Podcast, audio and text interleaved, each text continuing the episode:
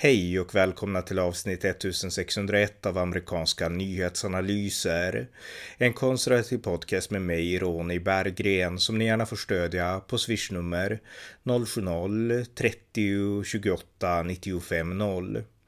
I torsdags den 30 juni talade den republikanska kongresskvinnan Liz Cheney på Ronald Reagans presidentbibliotek i Simi Valley, Kalifornien.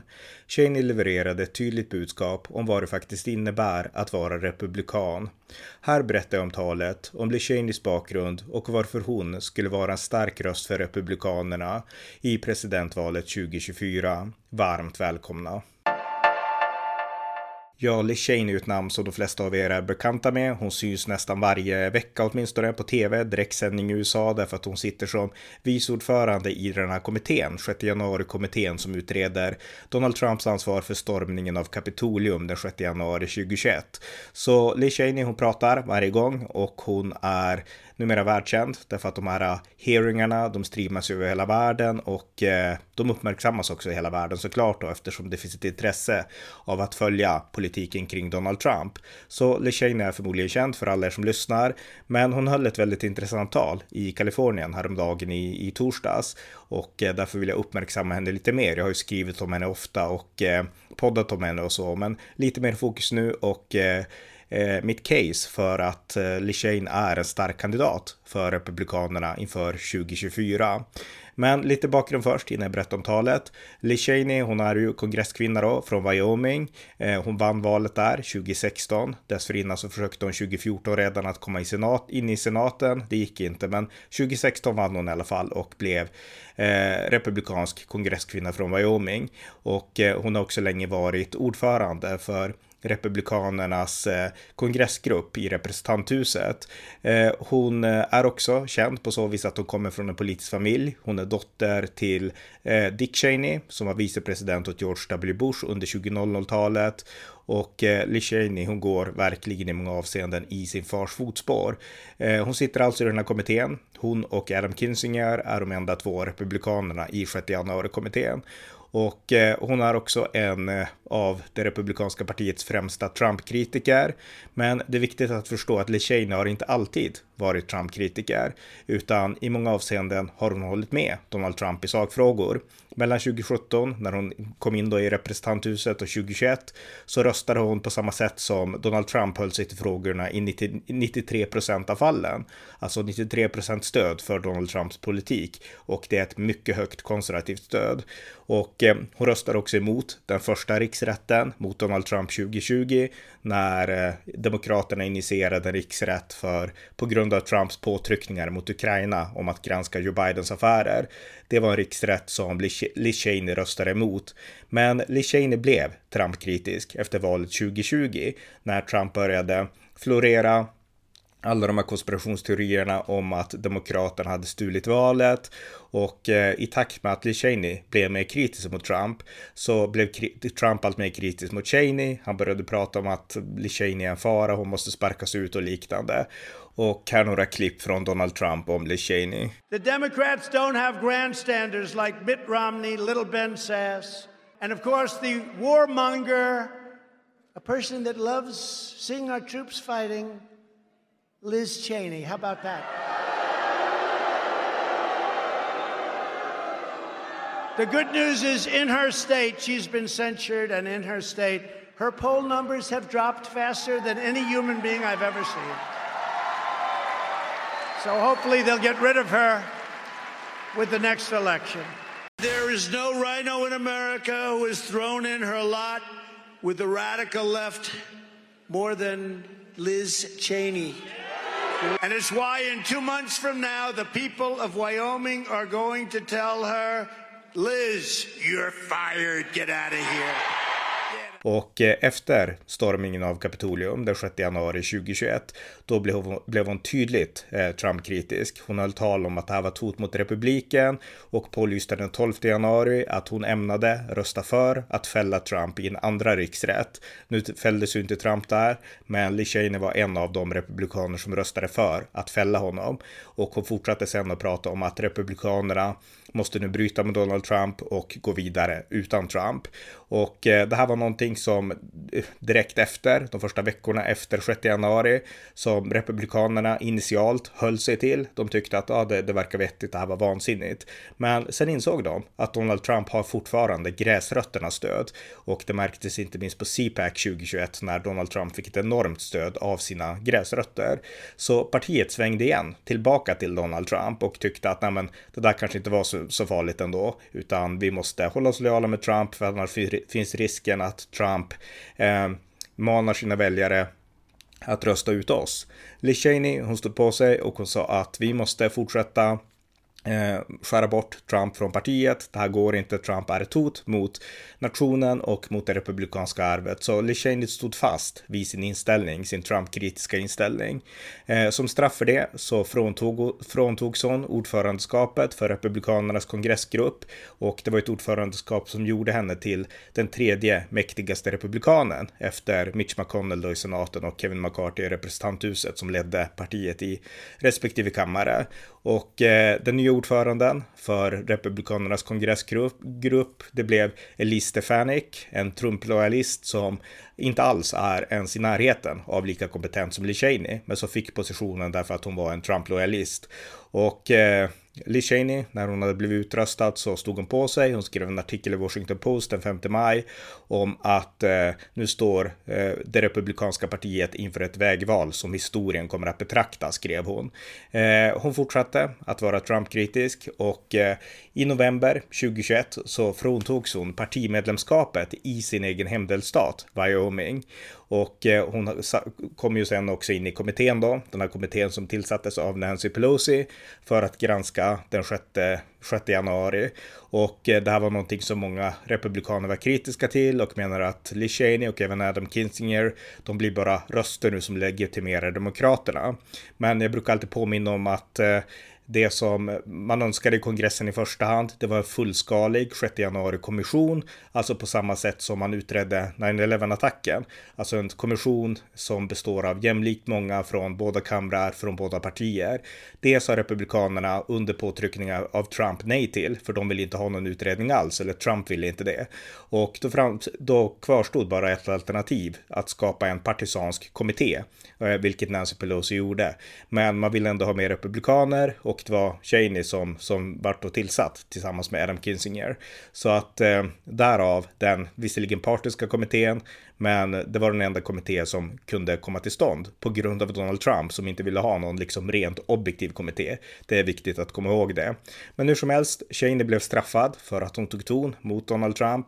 Hon blev som sagt eh, utesluten ur det lokala partimedlemskapet i Wyoming och eh, så sent som i februari nu i år 2022 då eh, förklarade den republikanska nationalkommittén att den 6 januari 2021, alltså dagen för upploppen, var en legitim politisk diskurs, skrev man. Och eh, man röstade då för att censure, alltså reprimandera, eh, såväl Liz Cheney som Adam Kinzinger för att de är med att utreda då eh, stormningen av Kapitolium. Så att hon har blivit straffad för det här och det ser ut som att hennes chanser inför sitt omval är väldigt små. Men hon säger alltid att det är värt priset att förlora därför att historien betraktar partiet och nu handlar det inte om att vinna poäng eller vinna platser eller positioner utan om, om att göra det som är rätt. Det är Liz Cheneys inställning. Och eh, jag ska prata lite mer om henne om en stund och om hennes bakgrund och så här för att jag är väldigt fascinerad både av Liz Cheney och av hennes far Dick Cheney som jag ändå följde ända sedan år 2000 när han blev vicepresident åt George, George W. Bush. Men först en liten tillbakablick på det tal som Liz Cheney höll på Ronald Reagans presidentbibliotek eh, i torsdags den 30 juni. Här några klipp från det talet där hon pratar väldigt mycket om vad det innebär att vara republikan. Thank you so much. It's wonderful uh, to be back at the Reagan Library. And tonight, in particular, uh, I want to talk about freedom. And I want to talk about what freedom means and, and the cost of our freedom. Uh, I've had the opportunity over the course of my career to spend time working in places that are not characterized by democracy, that are not characterized uh, by free government. Uh, I also had the opportunity to work in Russia. And in 1992, uh, I went to Nizhny Novgorod, uh, which was Gorky during the Soviet Union. And there was a young mayor in Nizhny Novgorod. And he wanted his uh, town, his country to be free. And he decided that he was going to privatize uh, the businesses in his town, and we were helping him. And, and I'll never forget sitting across the table from him, listening to him talk about freedom and listening to him talk about what it meant to be able to lead his people uh, to achieve their freedom. Uh, this man's name was Boris Nemtsov, and he was subsequently murdered uh, by thugs at the instruction of uh, Vladimir Putin, um, murdered because he was a threat to Putin, because he stood for freedom. But one of the most moving experiences uh, that I've had was, was visiting with Pope John Paul II and my father in about 2004. And he grabbed my dad's hand and he looked into his eyes and he said, God bless the United States of America. And, and I know that God, bless, God has blessed us. God has blessed America. But our freedom will only survive if we protect it, if we take our duty and our obligation seriously. Today, we're facing threats to our freedom abroad, uh, around the world, and here at home. And the list of these threats is not insubstantial. From Russia to China to Iran to North Korea, American adversaries are certainly on the march. We had some good news within just the last 48 hours or so that Sweden and Finland will become members of NATO. And I think it's, it's, a, it's an important lesson to Vladimir Putin that that is the opposite of what he had expected. If he had hoped that his invasion would lead to weakening NATO, he's managed to expand NATO. And, uh, and I think that's, that's an important message. Um, here at home, we have significant challenges as well. The Biden administration economic policies have contributed to the worst inflation in 40 years. We're watching the expansion of government regulation that kills jobs and economic growth. And the situation at our southern border is unsustainable. It's dangerous and it is reckless, and we must get control of our southern border. I'm a conservative Republican, and I believe deeply in the policies of limited government, of low taxes, of a strong national defense. I believe that the family is the center of our community and of our lives, and I believe those are the right policies for our nation. But I also know that at this moment, we are confronting a domestic threat that we have never faced before. And that is a former president who is attempting to unravel the foundations of our constitutional republic. And he is aided by Republican leaders and elected officials who've made themselves willing hostages to this dangerous and irrational man. Now, some in my party are embracing former President Trump. And even after all we've seen, they're enabling his lies. Many others are urging that we not confront Donald Trump, that we look away. And that is certainly the easier path. One need only look at the threats that are facing the witnesses who've, become, who've come before the January 6th committee to understand the nature and the magnitude of that threat. But to argue that the threat posed by Donald Trump can be ignored is to cast aside the responsibility that every citizen, every one of us bears to perpetuate the republic. We must not do that, and we cannot do that. But it, the, the reality that we face today as Republicans, as we think about the choice in front of us, we have to choose because Republicans cannot both be loyal to Donald Trump and loyal to the Constitution.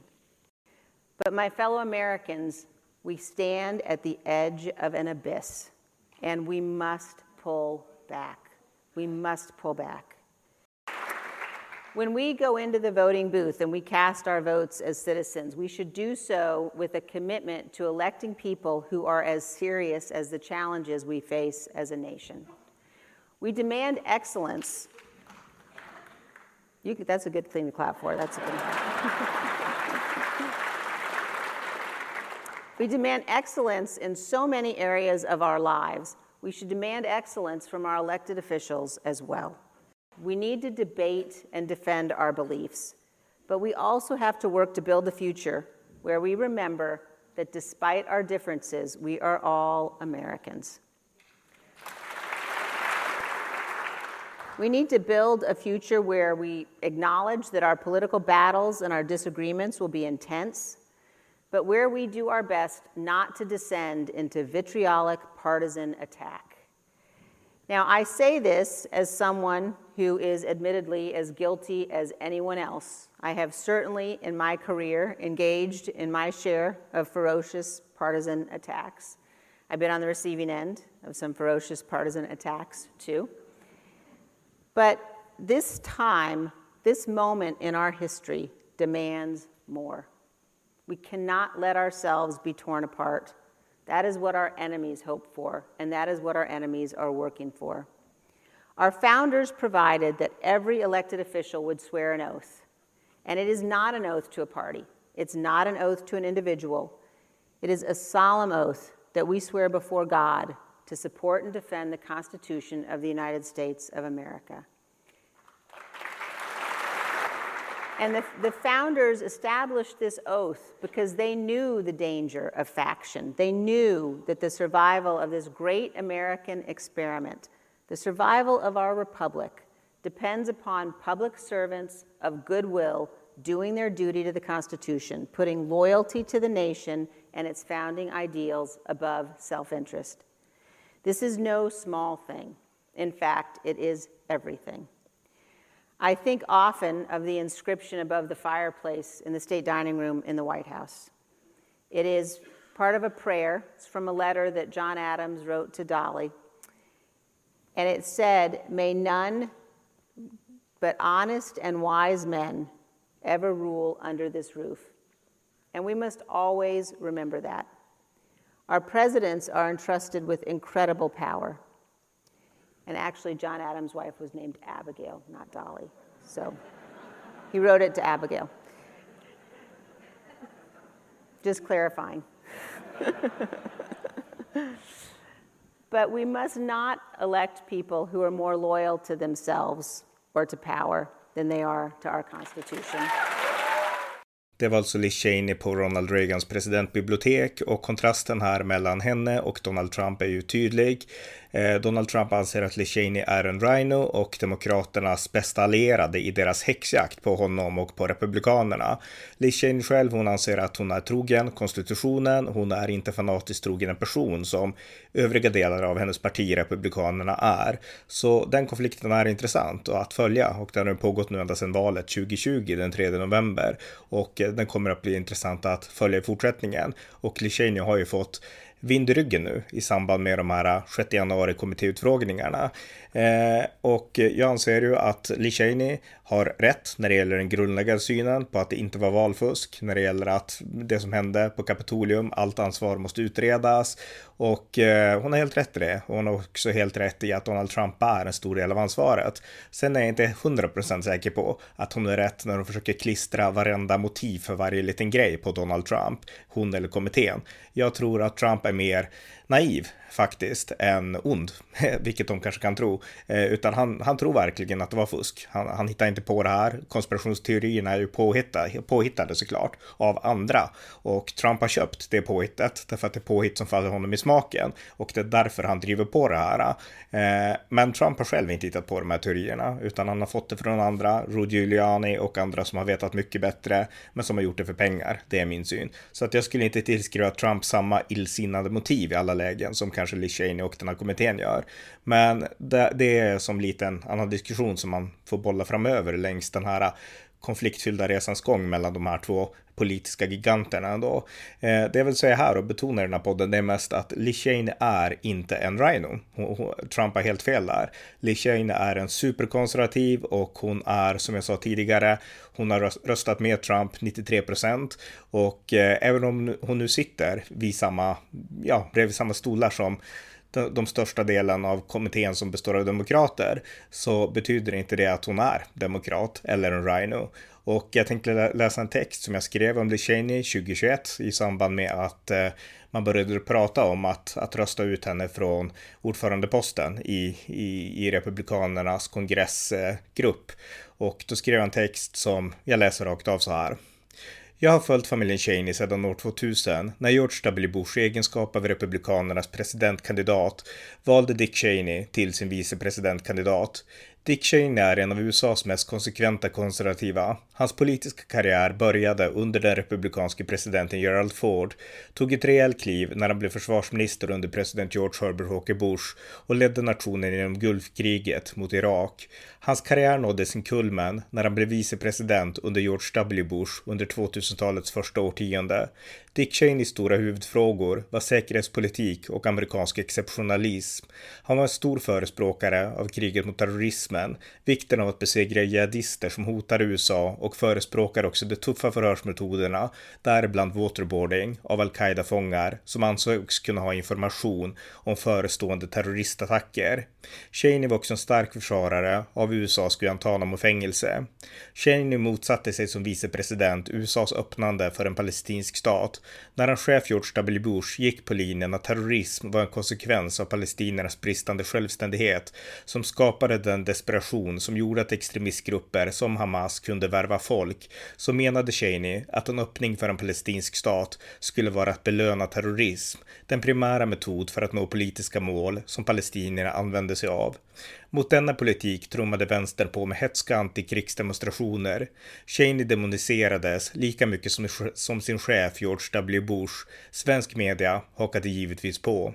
Men Cheney var en konsekvent konservativ och tog ton mot alla former av populism och opportunism.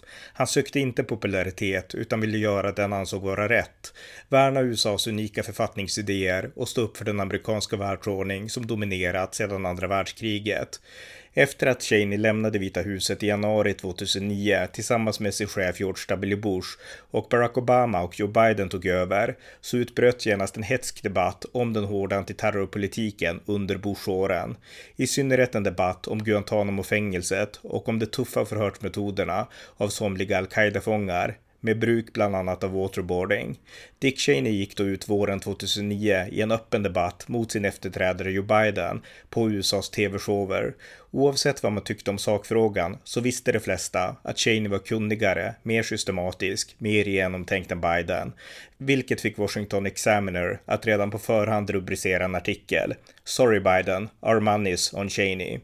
Det som sedan diskuterades var just Bush-administrationens hårda antiterrorpolitik, där Cheney inte kompromissade det minsta, utan tog tydlig ton mot Obama-administrationens planer på att stänga Guantanamo och underminera moralen hos CIA genom att framställa dem som skurkar när det i själva verket varit patrioter som försvarat USA efter nationens största kris i modern tid. Efter debatterna tycktes allmänheten också i mycket högre utsträckning ställa sig på Cheneys snarare än Obama-Bidens sida.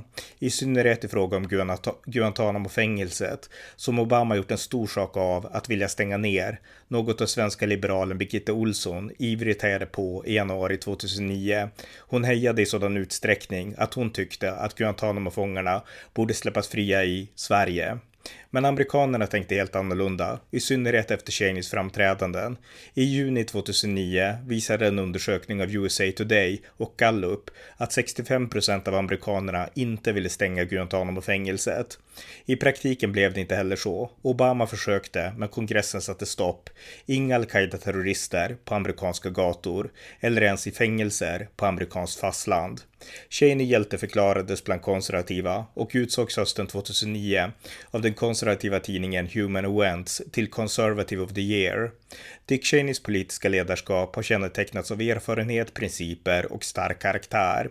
Mängder av människor hånade honom, önskade se honom åtalad eller lynchad. Otaliga komiker och Hollywoodskådisar drev med honom. Men för Cheney var den politiska imagen helt sekundär i förhållande till de saker som kännetecknade goda ledarskapet.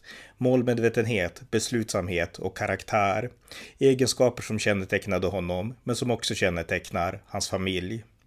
Hans hustru Lynn Cheney är litteraturvetare och djupt insatt i den amerikanska författningens grunder, något hon har skrivit böcker om. Därtill har vi hans döttrar, dels hans lesbiska dotter Mary, som han alltid stått upp för i vått och torrt, när han valdes till vicepresident av George W. Bush år 2000 så var han tydlig med att han hade en lesbisk dotter och hoppades att det inte skulle utgöra några problem i ett republikanskt parti där tron på heterosexuella äktenskap som samhällets normativa grund var bärfast. När Mary Cheney senare skrev en bok 2006 så berättade hon om det stöd hon fått från fadern redan från början när hon kommit ut som lesbisk. You know, look, you're my daughter and I love you and I just want you to be happy. Därtill hans dotter Liz. Liz Cheney är den äldre och mest politiska, djupt inspirerad av sin far. I think you'd be hard pressed to find any daylight at all between Liz's and my father's view, sa hennes syster Mary. Hösten 2009 ställde sig Liz sida vid sida med sin far i, kriket, i kritiken av Obama-Biden-administrationen. I ett tal inför The Smart Girls Summit, en konferens för konservativa kvinnor, mottogs Lee Cheney som en rockstjärna och kritiserade Obamas nej till hårda förhörsmetoder av terrorister och sa Mr President, in a ticking time bomb scenario with American lives at stake, Are you really unwilling to subject a terrorist to an enhanced interrogation to get information that would prevent an attack? Frågade hon. I en intervju med CNNs Larry King sa hon samma höst att Obama var an American president who seems to be afraid to defend America. Liz Cheney hade också egna politiska ambitioner. 2014 gjorde hon ett misslyckat försök att komma in i senaten. 2016 valdes hon emellertid in i representanthuset och har sedan dess haft en glasklar track record som konservativ. Samma år valdes Donald Trump till amerikansk president och även, även han drev en konservativ politik. I 92 procent av omröstningarna i representanthuset stod Cheney och Trump på samma sida. Liz Cheney, likt sin far, var också en djupt hängiven Israelvän och skrev i juli 2020 ett brev till Israels premiärminister Benjamin Netanyahu där de betonade den orubbliga alliansen mellan Israel och USA. Hon röstar också nej till att fälla Donald Trump i den första riksrättsprocessen 2019-2020 när Demokraterna ville fälla Trump för sitt brev till Ukrainas president där Demokraterna ansåg att Trump önskat dra in utländska krafter i inhemsk presidentvalspolitik. Efter presidentvalet den 3 november 2020, när Donald Trump trots en stark slutspurt likväl förlorade mot Joe Biden, men hävdade att han egentligen var den rättmätige vinnaren och att Biden enbart vunnit på grund av att demokraterna fuskat, så blev Cheney kritisk. Den kritiken blev i synnerhet skarp efter upploppen och ockupationen av Kapitolium den 6 januari 2021, när en stor pöbel pådrivna av Trump invaderade Kapitolium. Den händelsen ledde också till en ny riksrättsprocess där Cheney denna gång röstade för att fälla Donald Trump. För henne var det uppenbart att Trump nu körde sitt eget race. Det handlade om honom, inte om konstitutionen eller republiken. Den idealismens drivkraft hon fostrats att tro på tycktes Trump sakna. För detta har hon nu straffats av partiet genom att petas från sin plats som ordförande för The House Republican Conference. Likt sin far ansåg Lee Cheney inte att ens utstängning var det viktigaste. Det viktigaste var principerna. Den republik hon var mer lojal mot än någon enskild ledare. Själv är jag precis lika kritisk till Trumps beteende som Shane är. Däremot stänger jag inte dörren lika kategoriskt som hon gjort. Det viktiga 2024 är att besegra Biden. Om Trump är den som Republikanerna anser kan göra det bäst, då bör han stödjas. Men stödjas bör även Cheney. Hon är en del av sitt parti och har med sitt agerande visat en urrepublikansk egenskap som går tillbaka till Abraham Lincoln. Förmågan att gå mot strömmen, även när det kostar på. Att partiet förskjuter henne är således mycket beklagligt, men ändå sekundärt, för i första hand är hon ändå sin fars dotter och en republikansk hjälte. Så skrev jag 2021 om Liz Cheney och eh, ja, det är en text som jag tycker faller samman ganska mycket med det hon sa i sitt tal här. Och eh, ni måste inte hålla med mig i min analys om Cheney. Jag gillar henne och jag tror också att hon skulle vara ett starkt kort 2024 som vicepresidentkandidat. Och då kan jag pålysa vem jag tror skulle bli, bra, bli en bra presidentkandidat. Och det är Mike Pence, tidigare vicepresidenten. Han och Cheney 2024 tror jag skulle bli bra, en bra ticket för att besegra Biden och Harris, om de två nu står kvar eh, 2024. Men Pence och Cheney tror jag skulle vara ett mycket bra val.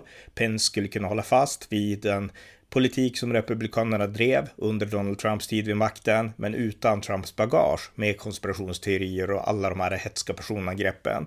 Cheney skulle kunna vara den som står upp för karaktär och visar att jag är den som stod upp för de rätta sakerna utan att bli demokrat och utan att vara liberal. Och också den person som har en glasklar syn på utrikespolitiken och hotet från Ryssland. Så min eh, drömticket, åtminstone just nu, är Penn Cheney 2024, tänkte jag bara berätta.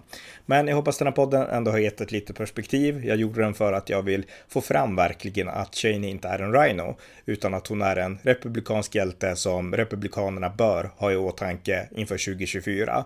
Och hon har en större slagkraft, på ett sätt i alla fall, än Donald Trump har. Och Donald Trump, han har gjort mycket bra. Han var en bra president, eh, men han eh, brände sina broar där efter den 3 november och han verkar inte ha ändrat sig. Och det är belastning både på konstitutionen men också på det republikanska partiet. Så Liz Cheney, hon är en hjälte. Det vill jag på något sätt hamra in med den här podden. Ni har lyssnat till amerikanska nyhetsanalyser där jag i sedvanlig ordning vill mana er som har möjlighet att skänka en gåva till valfri Ukraina-hjälp. Putins aggression måste tryckas tillbaka och med många bäckar små kan vi göra det tillsammans. Vill ni stödja amerikanska nyhetsanalyser så kan det fortfarande göras antingen på swishnummer 070-30 28 95 0 eller genom att via hemsidan stödja på Paypal, Patreon eller bankkonto. Det var allt för idag. Tack för att ni har lyssnat.